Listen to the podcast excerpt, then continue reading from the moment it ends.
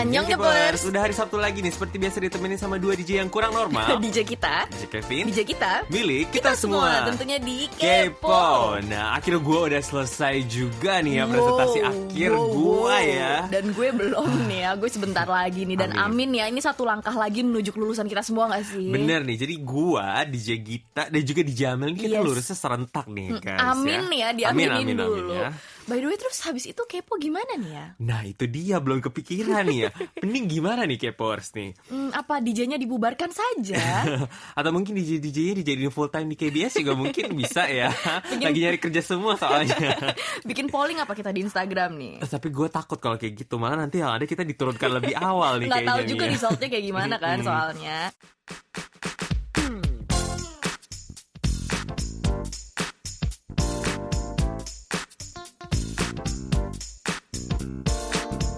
Kupas tuntas berita terbaru Bareng sama DJ kita di Info Celebrities.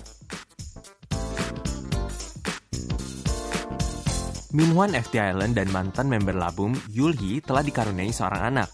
Hubungan mereka pertama kali terkuak pada September tahun lalu dan mereka mengumumkan bulan Januari lalu kalau mereka akan menikah bulan Oktober yang akan datang. Akhirnya Minhwan menulis surat di fan cafe FT Island dan mengaku kalau Hee sedang mengandung dan dia akan segera menjadi ayah. Semoga semuanya berjalan dengan lancar ya. Song Ji Hyo akan bermain di film baru berjudul Enraged Bull. Film ini bergenre action thriller mengenai seorang lelaki yang harus menjatuhkan sindikat jahat untuk menyelamatkan istrinya yang diculik. Ma Dong Sok juga akan berperan menjadi suami Song Ji Hyo di film ini loh. Kita tunggu ya karya baru mereka. Psy meninggalkan YG Entertainment setelah 8 tahun. Setelah memulai kontrak pada tahun 2010 dan melejit secara global dengan tanggal lagu Gangnam Style, Psy ingin mencoba tantangan baru dengan mengakhiri kontrak eksklusif dengan YG Entertainment. Semoga sukses ya.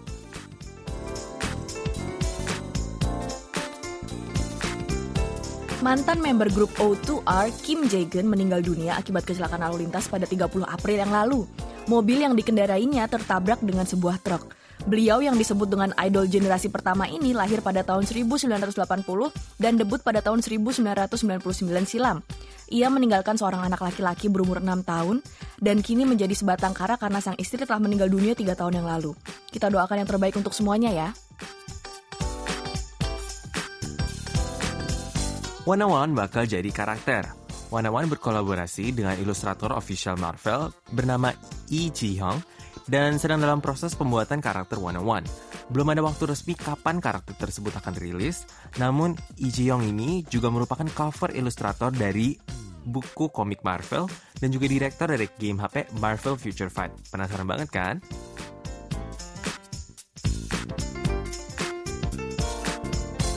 Seungri mengumumkan bahwa ia akan merilis solo albumnya di musim panas ini. Saat tampil di Youth Festival, dia juga bilang kalau dia bekerja sama dengan komposer yang juga menulis lagu Camila Cabello yang berjudul Havana dan beberapa DJ terkenal. Seungri juga dikabarkan akan memulai solo tour Jepang dia dan melaksanakan 6 konser dia di tiga kota. Park Yoo-cheon dan Hwang Hana tidak jadi menikah dan berakhir putus hubungan. Padahal mereka sudah mengumumkan kalau mereka telah bertunangan April tahun lalu dan berencana awalnya untuk menikah bulan September tahun lalu. Namun setelah pernikahan diundur, akhirnya berakhir dengan pembatalan pernikahan mereka. Dan sekian untuk info selebritis minggu ini. Dear DJ,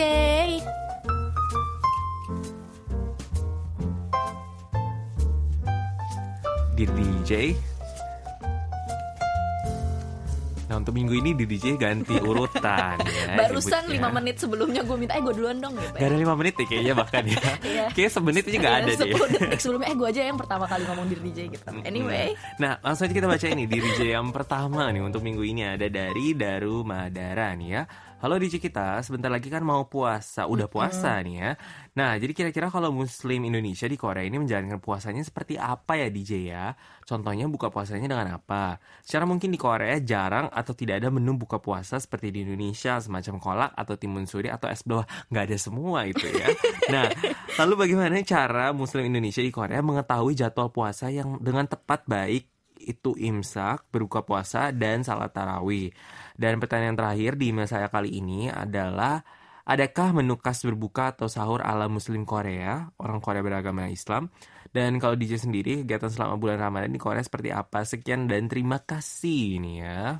Nah, secara kan kalau DJ kita ini, uh, kita berdua ini bukan beragama Muslim ya. Jadi gue tuh ada interview khusus ke DJ Amel nih ya mm. sebenarnya pribadi nih ya lewat katok sebenarnya. Iya, jadi kalau kita gitu ya? salah, ya? salahin DJ Amel. nah, ini jadi jawabannya dari Amel nih dikutip ya. Nah, jadi katanya kalau misalnya buka biasanya sesuka aja gitu loh. Karena di Korea memang gak ada yang khas kan ya. Jadi kalau lagi pengen kolak ya bikin aja kolak iya tapi yang penting gitu. berbukalah dengan yang manis, manis. iya oh. nggak usah pakai brand tapi ya itu ya nah terus kalau katanya nih ya kalau untuk jadwal puasa atau sholat sholat itu biasanya tuh carinya bisa di internet nih ya dan kalau kalau enggak kayak di masjid atau komunitas gitu suka dibagiin dan iya, yang secara gue tahu memang uh, yang namanya jadwal itu kalau di Korea tuh keluarnya lama banget karena sampai kayak nunggu gitu loh. Terus abis itu kan kalau di sini kan udah mulai masuk musim uh, panas, panas kan ya. Jadi tuh puasa terus untuk bukanya segala macam itu jauh lebih lama dibanding hmm, di Indonesia. Soalnya matahari terbenamnya juga kayak baru jam setengah delapan gitu-gitu hmm, kan. Makanya. Tapi lewat app gue juga punya teman yang beragama muslim kan di lab gue dan dia juga punya app gitu sih hmm, yang menunjukkan oh uh, apa namanya matahari terbenam hari ini jam berapa, iya, besok jam berapa gitu. Jadi mereka tuh menunggu untuk sampai kapan terbenam terbenamnya itu karena waktunya beda-beda terus Bener tiap hari kan banget. kan ya. Jadi mesti kayak gitu dicek terus nih ya. Dan untuk uh, makanan khas berbuka sahur ala muslim Korea sih sayangnya kita nggak tahu ya kita nggak ada teman muslim Korea sih ya jadi mm -mm. kita nggak tahu nggak bisa nggak jawab untuk iya, kita harus lebih banyak bergaul mungkin ya nih beb mm -mm. Mm -mm. dan kalau misalnya kegiatan selama bulan ramadan di Korea itu Iya, mungkin bareng-bareng berkumpul, berbuka bersama gitu kan. Oh, di KBRI itu suka banyak acara sebenarnya juga banget. nih ya. Uh, tapi kalau gue gak pernah ke sana sih, jadi gue nggak tahu detailnya seperti gimana nih ya. Ini seperti itu. Dan kemudian dilanjutkan oleh mm. DJ kita ya. Uh. DJ selanjutnya ini ada dari Atika Stianingsih. Mm. Ini panjang nih ya, tolong difokus nih ya semua pendengar nih ya. Mm, fokus nih ya. Dir DJ, halo DJ apa kabar? Baik ya. Semoga selalu sehat ya, amin sehat kok. Aku mau curhat boleh kan? Boleh banget. Boleh banget. Aku sedang galau banget nih DJ sama masalah. Jangan dijawab mulu. Iya, ini orang disuruh fokus malah ntar jadi nggak fokus dia. Ya. Anyway, oke. Okay. Aku sedang galau banget nih DJ sama masalah hubungan aku dengan teman laki-laki yang oh. sekarang sedang dekat sama aku. Oh, ini oh. di, di, di DJ kenapa jadi masalah percintaan semua ya? Tapi justru itu yang lebih bikin seru tau. Bener bener uh. banget sih. Mm-mm. Jadi sudah lima tahun yang lalu sejak terakhir aku punya hubungan sama mantan dan sekarang aku sedang dekat dengan dua cowok wow. yang satu tiga tahun di bawah aku mm-hmm. dan satunya lagi dua tahun lebih tua di atas hmm. aku. Kami dekat karena dijodoh-jodohkan oleh teman-teman kantor yang berondong satu kantor sama aku, mm-hmm. tapi yang lebih tua dua tahun itu kantornya di luar kota. Ah. Nah selama ini kami lebih sering berhubungan by WhatsApp saja dan mereka sama-sama enak diajak chatting. Cuman bedanya kalau chat ya, sama yang berondong ini dia suka ngajak berantem okay. dan main bully-bulian atau sekedar komen status WA. Terus habis itu suka ngajak jalan tapi kebetulan gagal terus karena waktunya memang kurang pas sampai dia ngeluh susah banget ngajak jalan aku. Dan dari sikap-sikap kayak gini yang bikin aku bingung sama sikapnya, takutnya aku terlalu kepedean tapi takut juga aku dibilang nggak peka. Hmm. hmm, ngerti-ngerti. Hmm, Oke. Okay. Kemudian ya, berla bersambung nih ya lanjutannya adalah nih ya jadi lucunya kalau kami ketemu di kantor sama-sama cuek tapi kalau kadang ketemu di pantry atau sholat bareng kami saling negor kayak basa-basi garing gitu deh pokoknya. Mm-hmm. Beda deh ketika kalau kita lagi ngobrol di WhatsApp nih ya. Dan karena aku sendiri takut diledek kalau dilihat teman kantor dan bikin kita sama-sama canggung nih ya. Nah, kalau yang lebih tua 2 tahun dari aku ini, dia lebih perhatian. Kadang chat aku duluan, lagi apa, udah pulang kerja belum. Hmm, terus suka perhatian kalau aku lagi sakit. Mm. Nah, kalau dia perhatian kayak gini bikin cewek ngerasa nyaman ya sama dia. Tapi aku nggak ngerti arti dari WhatsApp dia. Kalau dia anggap aku teman biasa, kan nggak sampai rutin WhatsApp aku. Tapi dia belum kirim sinyal-sinyal kalau dia tertarik sama aku atau mungkin aku yang nggak peka ya. Hmm. Pokoknya aku bingung sama sikap mereka dan sikap aku yang sekarang nih ya. Mungkin di JJ di sana punya pengalaman sama ya sama aku. Hmm, punya nggak ya? Nah, terus boleh minta saran apa yang harus aku lakukan atau bagaimana cara menyikapi sikap mereka ini? Karena mungkin aku sudah lama jomblo kali ya, jadi nggak peka atau terlalu kepedean katanya. Sekian curhatan aku kali ini. Semoga cerita aku kali ini bisa terpilih karena aku sangat membutuhkan saran dari masalah aku ini. Terima kasih banyak sebelumnya nih ya. Ini kayak bikin cerpen loh ya. Iya, ini cerpen sendiri uh, nih ya, novel, cerita cinta novel. Nih ya. Hmm. Nah, gimana? Nih, DJ Kevin. kita kayak kita kayak oper-operan gitu siapa yang mau ngomong DJ duluan. Kevin sendiri sih nggak punya pengalaman kayak begini ya.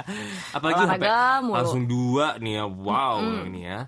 Apalagi yang satu lebih tua, yang satu lebih muda. Ini kamu sangat beruntung sekali ya, Tika nih ya. nah tapi kalau menurut gua nih ya, em, kalau menurut gua mungkin orang yang lebih tua ini karena dia di luar kota, jadi secara nggak langsung kamu ngerasa kalau misalnya WhatsAppnya jauh lebih eh, perhatian gitu ya, karena kan memang juga belum pernah belum ketemu secara langsung, nggak kayak yang di satu lagi yang di Brondong itu ketemu terus setiap setiap hari hampir kan sama kan, satu kantor gitu kan ya, jadi dia pasti em, gimana ya perhatiannya tuh nggak lewat dari WhatsApp mungkin, tapi dari eh, aksi-aksi dia di kantor gitu kan ya mungkin ya menurut gua ya. Gimana kalau DJ kita sendiri komennya tolong ya.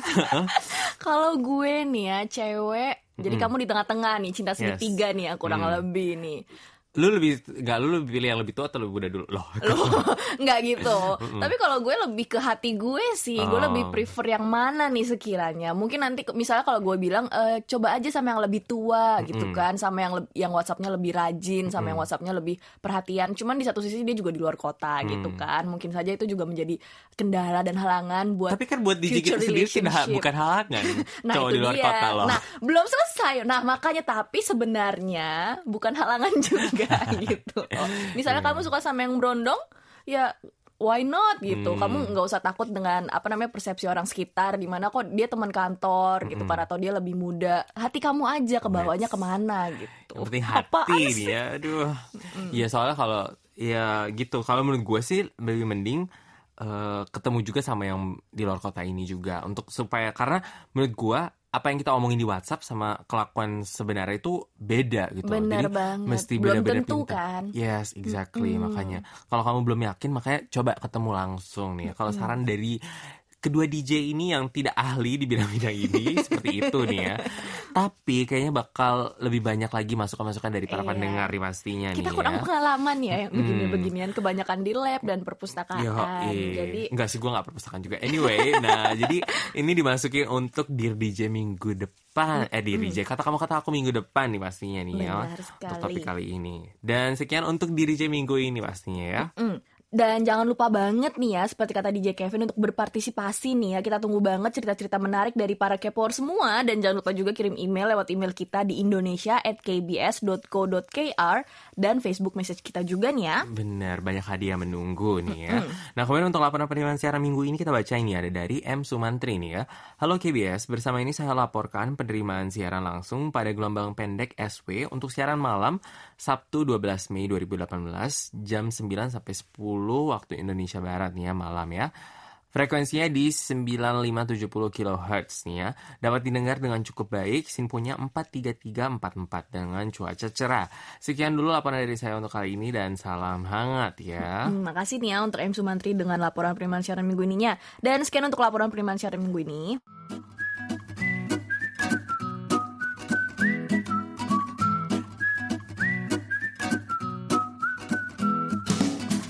Udah waktunya untuk kata kamu kata aku nih ya. Dan Yes. topiknya kali ini lumayan unik nih ya.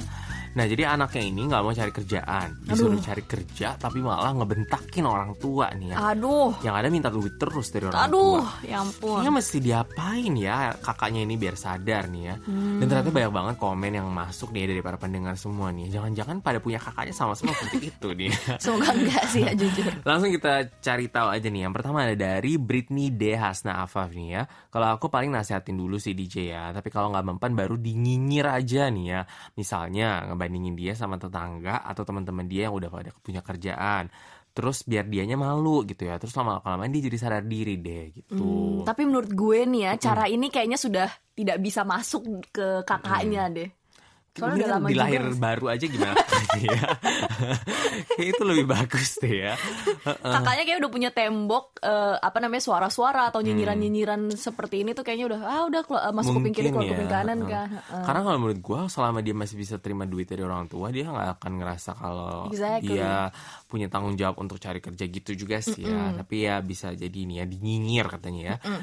Dan selanjutnya dari Koiriatu Soliha, mungkin bisa ditelusuri dulu kenapa sih kakak bersikap begitu. ortu, diajak ngobrol pelan-pelan. Baiknya ortu sih yang ngajak ngomong nih ya. Ditanya maunya gimana? Kalau mau kerja, apa punya passion tertentu, mau buka bisnis sendiri atau gimana? Siapa tahu dengan ngelakuin hal yang dia suka, jadi semangat kan dianya. Atau mungkin coba minta tolong saudara atau orang terdekat yang sekiranya bisa ngajak dia kerja atau ngasih kerjaan nih DJ sambil didampingi dan tetap dikasih perhatian. Atau orang tua bisa ngasih dia kerjaan atau nyuruh sesuatu, seenggaknya biar dia nggak minta uang jajan dengan cuma-cuma sekaligus ngeringanin beban ortu kan. Some of this based on pengalaman sih, nggak tahu ini bisa ngebantu atau enggak. Semoga bisa lunak ya kakaknya semangat. Iya nih semangat banget nih yang punya Oh. kakak seperti ini nih ya. Ini lumayan nih ya. Sebenarnya bener nih ya. Kadang itu orang itu eh, kalau misalnya kita udah emosi, bawaannya kan kayak ngomongnya kasar lah pas segala macam. Coba diajak mungkin ngobrolnya tuh bener-bener yang serius, yang pelan gitu ya, yang dengan eh, sedingin-dinginnya gitu supaya mungkin ternyata kakaknya itu punya sesuatu yang di dalam lubuk hatinya yang pengen dikeluarkan supaya itu mungkin tidak bisa juga gitu ya makanya dia punya alasan-alasan tertentu kan ya supaya dicari tahu dulu gitu ya komunikasi itu sebenarnya sangat penting apalagi Iya. dalam keluarga nih ya Bener banget. Hmm, kemudian selanjutnya nih ada dari Melia Intania nih ya. Ya ampun persis banget sama kakak aku kayak gitu DJ nih ya. Tapi itu dulu nih, ternyata pengalaman nih ya. Nah beberapa bulan terakhir ini dia udah berubah banget. Wow, dulu dia nggak mau kerja dan kerjanya kalau di rumah cuma tidur dan main game. Hmm. Kalau main keluar pulangnya tengah malam atau pagi. Sering nggak pulang malah dan minta uang mulu. Kalau nggak dikasih dia ngambil uang orang tua dan uangku juga. Wow, oke dah. Pokoknya semua yang dia lakuin bikin kesel semua keluarga. Tapi dia udah berubah semenjak dapat kerjaan yang gajinya gede nih DJ. Dia emang awalnya nggak mau cari kerja, tapi ibuku sering maksain dia malah sampai anterin pas interview atau ngelamar kerja. Sebenarnya orang yang kayak gitu harus dikasih perhatian lebih dan lebih ditegasin. Jadi dia harus selalu disodorin dan kalau perlu minta rekomendasi dari kerabat kalau ada lowongan kerja gitu. Ya untuk orang tuanya juga emang harus selalu sabar, banyak-banyakin doa serta nggak bosan buat nyadarin anaknya. Itu sih DJ yang dilakuin orang tuaku ke kakak aku nih katanya ya. Tapi emang bener sih kalau misalnya agak troubled gitu, yang paling penting eh, yang penting dari orang tuanya adalah meluangkan lebih banyak waktu lagi untuk anak tersebut nggak sih? Betul. Tapi gue kalau jadi dia sih gue malu ya sampai ibu gue malah ini nganterin gue interview sih itu Umur berapa sih lo gitu kan? Iya, aduh gitu ya. Tapi ya yang pasti beruntung lah ya kakaknya si Melenten ini udah berubah nih pastinya nih ya. Ya mungkin itu bisa jadi masukan nih ya untuk pendengar kita ini ya. Lalu yang selanjutnya ada dari Visti Desinta. Kalau saya punya kakak begitu ya DJ, mungkin sudah saya unyeng-unyeng, unyeng-unyeng apa ini? ya? Nggak sadar diri banget jadi manusia, bener sih ini. Saya bakal bilang sama ortu untuk stop semua jenis supply ke dia. Betul. Mau itu keuangan, perhatian, kasih sayang, semua pokoknya di stop aja nih ya. Bisa ya hidup saya enak udelnya gitu, songong pula. Loh kok saya yang jadi emosi nih ya katanya. Kesel akut saya dengan masalah pendengar kita ini katanya gitu. Sama sih gue juga kesel akut sih pas denger nih ya. By the way, unyeng-unyeng itu bahasa Indonesia gak sih? Penasaran jadi tiba-tiba nih ya. Anyway, iya sih, gue juga kesel sih ya memang dengernya nih ya. Tapi namanya gini, kadang itu kalau misalnya dia di stop kayak gini, dia juga makin emosi gitu loh, makin memberontak takutnya gak sih ya. Tapi menurut gue juga di satu sisi mungkin ini adalah salah satu cara dia untuk cari perhatian dari Iya. orang tuanya juga gitu makanya nih ya mungkin. Jadi memang orang tuanya memang harus mencoba segala cara. Yang Yes. pertama adalah ngasih seluruh perhatian dan yang kedua ya udahlah su- seenak lo aja tapi gue nggak mau nyuplai apa pun ke lo Hmm, gitu. didoain lah pokoknya ini ya. Kemudian selanjutnya ada dari Hajra Serazil ya. Kalau ada anak kayak gitu dibiarin aja dulu dan di- jangan dikasih uang supaya dia rasain bagaimana rasa kalau nggak punya uang ya. Terus kalau dia sendiri kita bicara sama dia empat mata dan beritahu dia apa sih maunya ya. Apa sih mau Dan lo? berikan contoh-contoh orang yang gagal dan berhasil ya. Hmm, bener-bener. Bicara empat mata nih ya langsung face to Iya, face, face to maksudnya nih ya. face. Cuman bisa jadi karena ini kan seorang adik yang bercerita tentang problem kakaknya kan. Mungkin aja kakaknya agak menganggap remeh adik itu bisa juga kan. Hmm. Jadi lebih baik juga mungkin orang tuanya juga ikutan atau orang tuanya yang berbicara empat mata sama dia bukan adiknya nih ya. Hmm, Kalau bisa delapan mata Oh gitu iya, ya. jadi Atau mungkin lebih banyak semua. lagi ya. Lalu ada dari Faradina Pandu Hutami, kalau aku jadi adik dia nih ya, aku bakalan bilang ke, ke kakak kayak gini nih. Kakak, jangan bentak-bentakin ayah ibu terus dong. Kasihan mereka udah susah payah cari uang. Lagian kakak udah besar, masa nggak malu sih sama teman-teman kakak yang udah punya kerjaan? Kakak sendiri tiap hari butuh uang juga kan? Kenapa kakak nggak cari kerja aja? Kalau kakak punya kerjaan sendiri kan enak, nggak perlu nunggu dan minta uang ke orang tua lagi. Dan juga uang itu bisa bebas dipakai buat kakak dan buat apa pun. Ya biarpun di posisi ini aku sebagai ade aku juga aku juga nggak bisa lihat orang tua dibentak-bentak mulu sama si kakak durhaka kan namanya aku tetap nasihatin si kakak pelan-pelan kayak Hmm. gitu Ini DJ kita baca kayak ini ya. apa sangwangguk itu biasa ini apa ya? kayak gue yang ada di Indonesianya. posisi adenya Iya nih ya.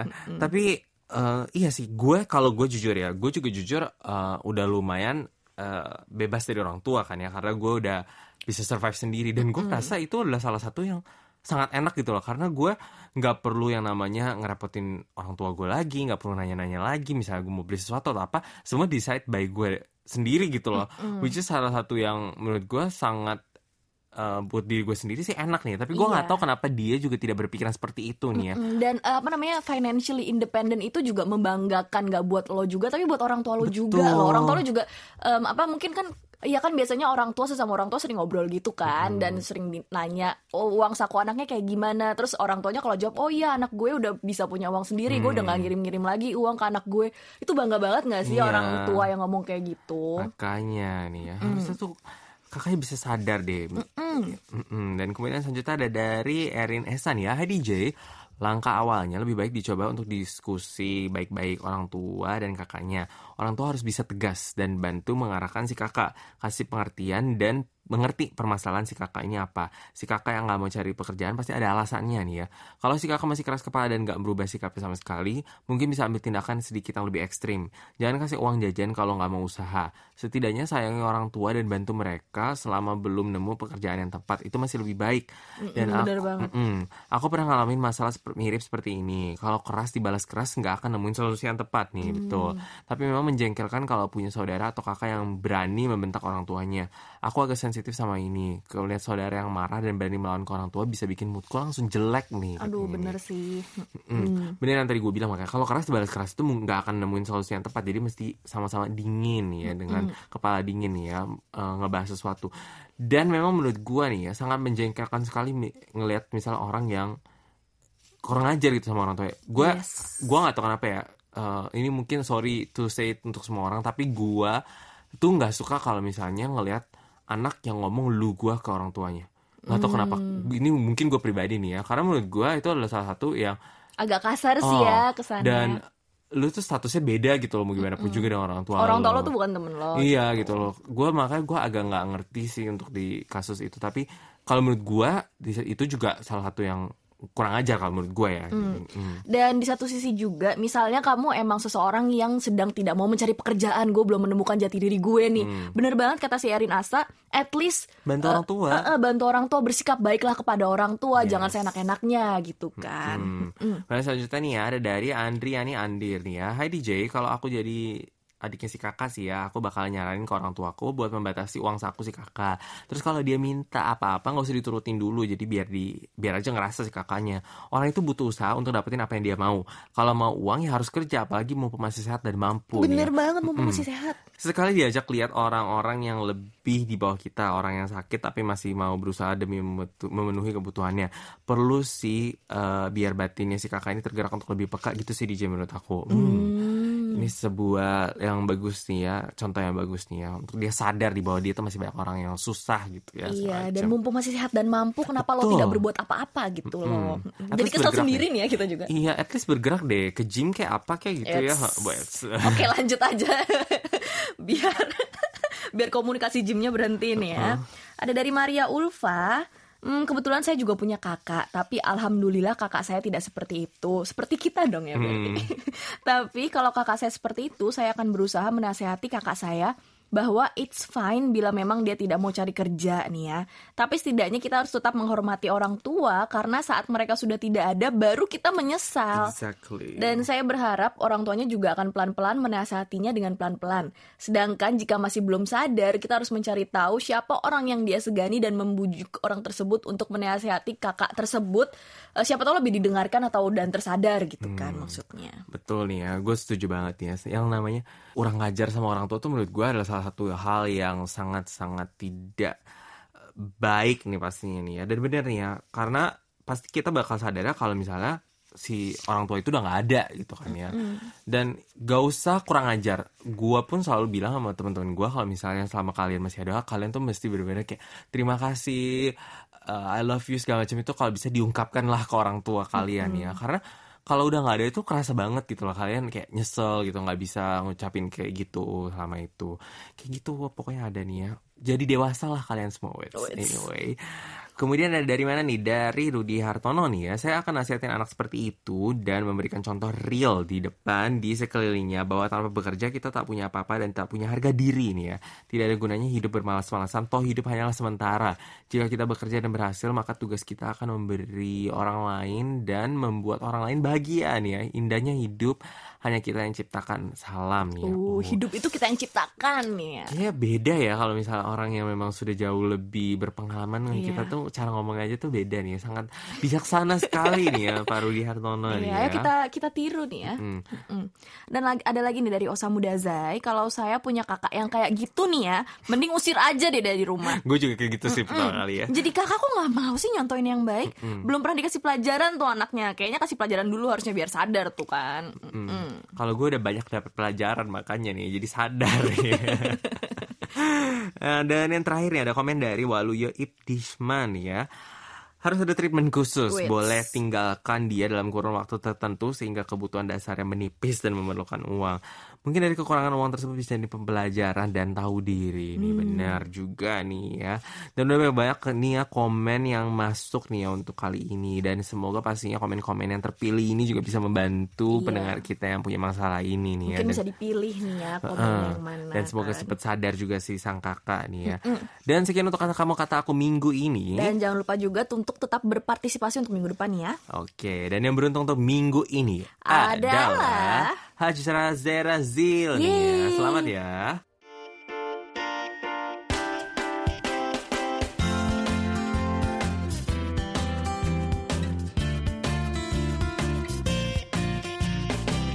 Amel Annyeong. Anyong. Annyeong Kevin, Cici kita. Apa kabar? Baik, baik. Puasa nggak nih Mel? Udah buka kali ya Oh, Kev iya ya, udah ya. jam 7 nih. Ya maksud gua masih lancar gitu kan ya puasanya dong Alhamdulillah ya masih semangat nih. Mm, dan ini memang masih minggu pertama Baru kan hari ya. kedua, ketiga ya. Jadi harus semangat dong ya. Itu kalau udah gak semangat malah aneh gak sih? ya? Hmm. Anyway, kalau puasa di Korea kendalanya apa sih Mel biasanya? Nah, apa nih? Hmm, apa ya? Jujur kalau gue kan udah biasa di ceritanya berpuasa di sini Sudah ya. Jadi, expert nih ya. jadi nggak begitu banyak kendalanya ya. Tapi setiap misalkan ada yang Hmm. ngajak makan siang gitu ya bareng. Kan gue harus nolak nih dan begitu ditanya kenapa kok nggak makan, gue harus jelasin lagi tentang Ramadan gitu. From the start gitu dari ya awal jelasin jadi lagi. ada bulan Ribet. puasa gitu-gitu. Gini aja, gimana kalau misalnya lu udah siapin itu di sebuah Flyers. teks nih? Gimana kalau gue tulis aja gitu Iya, ya? lu tulis semua itu di Gua- lu taruh di memo. Jadi kalau misalnya nanti ada yang katok, lu langsung copy paste aja gitu loh. Nih, Ramadan is Lo bikin flyer, lo di, di meja lo, lo bikin kertas Sebarin gitu ya? Sebarin. Ini alasan is di this. Jamel tidak makan siang gitu kan, tinggal dikasih kertas. Boleh juga tuh kayak ide. Iya. Daripada panjang-panjang cerita terus kan ya. Iya dan gue juga kan nggak enak gitu loh nggak apa sih nolak yang udah ngajak makan. Tapi enggak, kalau menurut gue untuk menolak makan itu gue juga selama ini kan menolak Oh, iya, makan. Ya itu kan Iya kalau itu? DJ Kevin ya. Eh, tapi dari, sisi yang ngajak juga pasti mereka agak merasa bersalah juga gitu nggak Nah, sih sebenarnya. Meskipun sebenarnya mereka juga nggak tahu kan sebenarnya kalau lo lagi puasa. Iya pasti kayak mereka bilang sorry, aduh gue nggak tahu segala macam. Atau gitu kalau misalnya kan. mereka makan di depan lo gitu, mereka nah juga itu dia, merasa itu jadi merasa kan. bersalah banget. Eh, karena beda banget suasananya kalau Iya. sama di Indonesia. Dan pasti semangat buat DJ Amel nih ya dan juga K-popers semua yang menjalankan ibadah puasa nih ya. By the way nih ya langsung baru masuk nih kita ya. Untuk cerita hari ini apa nih Mel? Oke, jadi hari ini gue mau cerita tentang K-Star VR, yaitu tempat di mana kita bisa experience atau mencoba virtual reality at- dari konten-konten Hallyu nih. Uh, ini yang baru dibuka banget nih ya di gedung KBS ya. Betul betul. Hmm, Dan kayaknya nih ya memang di mana-mana sekarang itu lagi benar-benar VR hype banget nih ya. Lagi di Hongdae lah, di Gangnam, pokoknya ngehits banget sampai KBS sendiri pun buat nih Nggak mau ceritanya kalah ya. Hmm. Dan K-Star VR yang ada di KBS ini adalah baru diresmikan bulan Mei ini ya. Cuman soft openingnya udah dari bulan lalu sih ya. Yoi. Dan merupakan tempat pertama yang menyediakan VR experience untuk konten-konten Hallyu. Wait, ini kita bisa juga nyoba nih ya. Dan denger-dengar kita bisa cobain VR dari program-program KBS nggak sih? Gimana tuh seru nggak? Beneran real gitu nggak sih? Seru banget ya, VR-nya real banget. Jadi gue pergi sama PD May ya waktu itu dan berhubung masih belum lama buka, jadi belum banyak orang yang datang ke sana dan kita beneran nyob- hampir nyobain semua apa ya wahana ya disebutnya pokoknya VR yang tersedia di sana kita hampir ya? nyobain semua booth gitu. booth gitu lah ya Iya. dia. Nah jadi VR di sana sendiri ada apa aja nih? Jadi tadi seperti kita bilang ada program-program representatifnya KBS mulai dari Music Bank, Oh. One Night Two Days, terus drama Descendants of the Sun, Love in the Moonlight dan masih banyak lagi. Mm. Gitu. Dan kalau Music Bank berarti kita bisa melihat performance dari artis-artis K-pop secara VR gitu kah? Banyak kayak berasa nonton kayak live gitu nggak sih? Iya jadi kayak misalkan nggak beruntung untuk bisa masuk ke Music Bank, mending nonton Bukan nggak beruntung emang nggak bisa. Nggak bisa ya. Kayak kita kita ini ya. heeh. bisa coba untuk nonton di VR-nya Music Bank aja ya Hmm. dan real banget jadi bener ada kayak K-pop idol di depan mata lo gitu Oh, wow. terus kalau wahana yang Two Days One Night itu em, seru banget juga karena di situ kita bisa nyobain atraksi-atraksi yang pernah muncul di apa tuh acara Two Days One Night itu kan Mhm. jadi wahana pertama yang gue cobain tuh kayak zipline dan yang bikin real adalah kita bener-bener disuruh duduk kayak semacam ayunan terus di ada angin-angin berhembus gitu jadi 4D, 4D gitu loh. banget ya. Terus pasti didorong-dorong dia sama mas-mas staffnya gitu ya. All in ya semuanya. Mas Masnya kesian ya dorong-dorong orang terus. Jadi waktu selesai naik si zipline itu gue langsung mual gitu, saking real banget. Dan denger-denger nih ya, terus kalau yang di drama Descendants of the Sun ini atau juga Love in the Moonlight itu ada Song Joong Ki sama Pak Bogomnya di dalam VR tersebut kah? Katanya Jadi gitu nih. Jadi sebenarnya enggak. Oh enggak. Jadi kita Terus juga kemarin wah jangan-jangan ada Song Joong Ki di dalamnya gitu ya. Terus Vidi Mei itu nyobain gitu wahana yang Descendants of the Sun gitu kan. Tapi ternyata malah perang-perangan gitu. Oh, Song Joong Ki masih sibuk dengan Song Hye Kyo jadi belum dapat nih ya, apa namanya videonya Song Joong Ki di VR nih. Karena Si Jin di situ kan tentara juga nih ya, jadi VR-nya juga perang-perangan gitu gak sih? Bener banget dan serunya ya orang-orang tuh yang lain tuh main di perang-perangan itu sampai jongkok-jongkok gitu ya jungkir balik gitu Lol. dan PBA cuman cool gitu loh cuman jeger jedor jedor gitu Kurang maksimal banget nih Kurang ya maksimal Mei ya. waktu itu. Ya harusnya ikutan jongkok-jongkok juga gitu kan ya.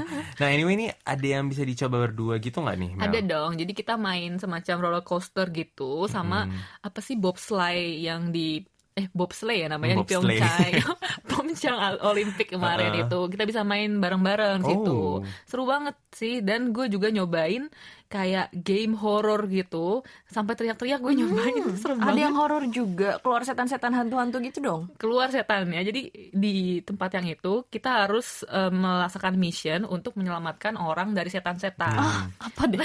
Jadi staffnya itu memberikan petunjuk gitu loh kayak clue-clue gini, lo harus gini, lo harus gini. Tapi Hmm. karena gue lemot, jadi waktunya tuh habis terus. Jadi gue ketemu setannya. Dan lo tidak terselamatkan ya. Aduh. Jadi padahal kalau maksudnya kalau mission lo itu berhasil lo nggak ketemu sama si setan Iya, itu benar, ya. benar. Tapi Tapi karena lo lemot jadi ketemu setan Iya terus. betul banget. Aduh. Kesian banget staffnya sampai gedek kayaknya ya, nggak berhasil berhasil kan.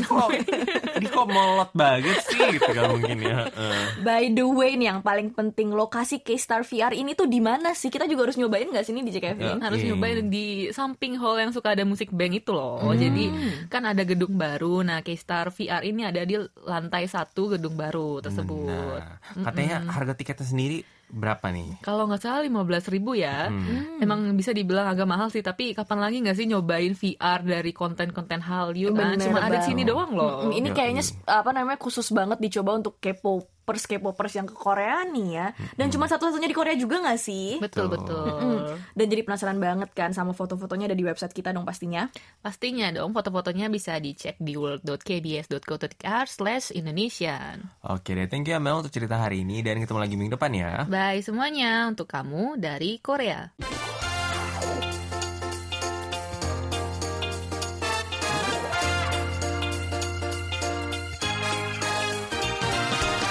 Gak kerasa udah closing aja untuk Kepo minggu ini ya. Minggu depan jangan lupa untuk tetap dengerin Kepo ya. Sampai ketemu lagi minggu depan ya para Kepers. Dan tetap Kepo.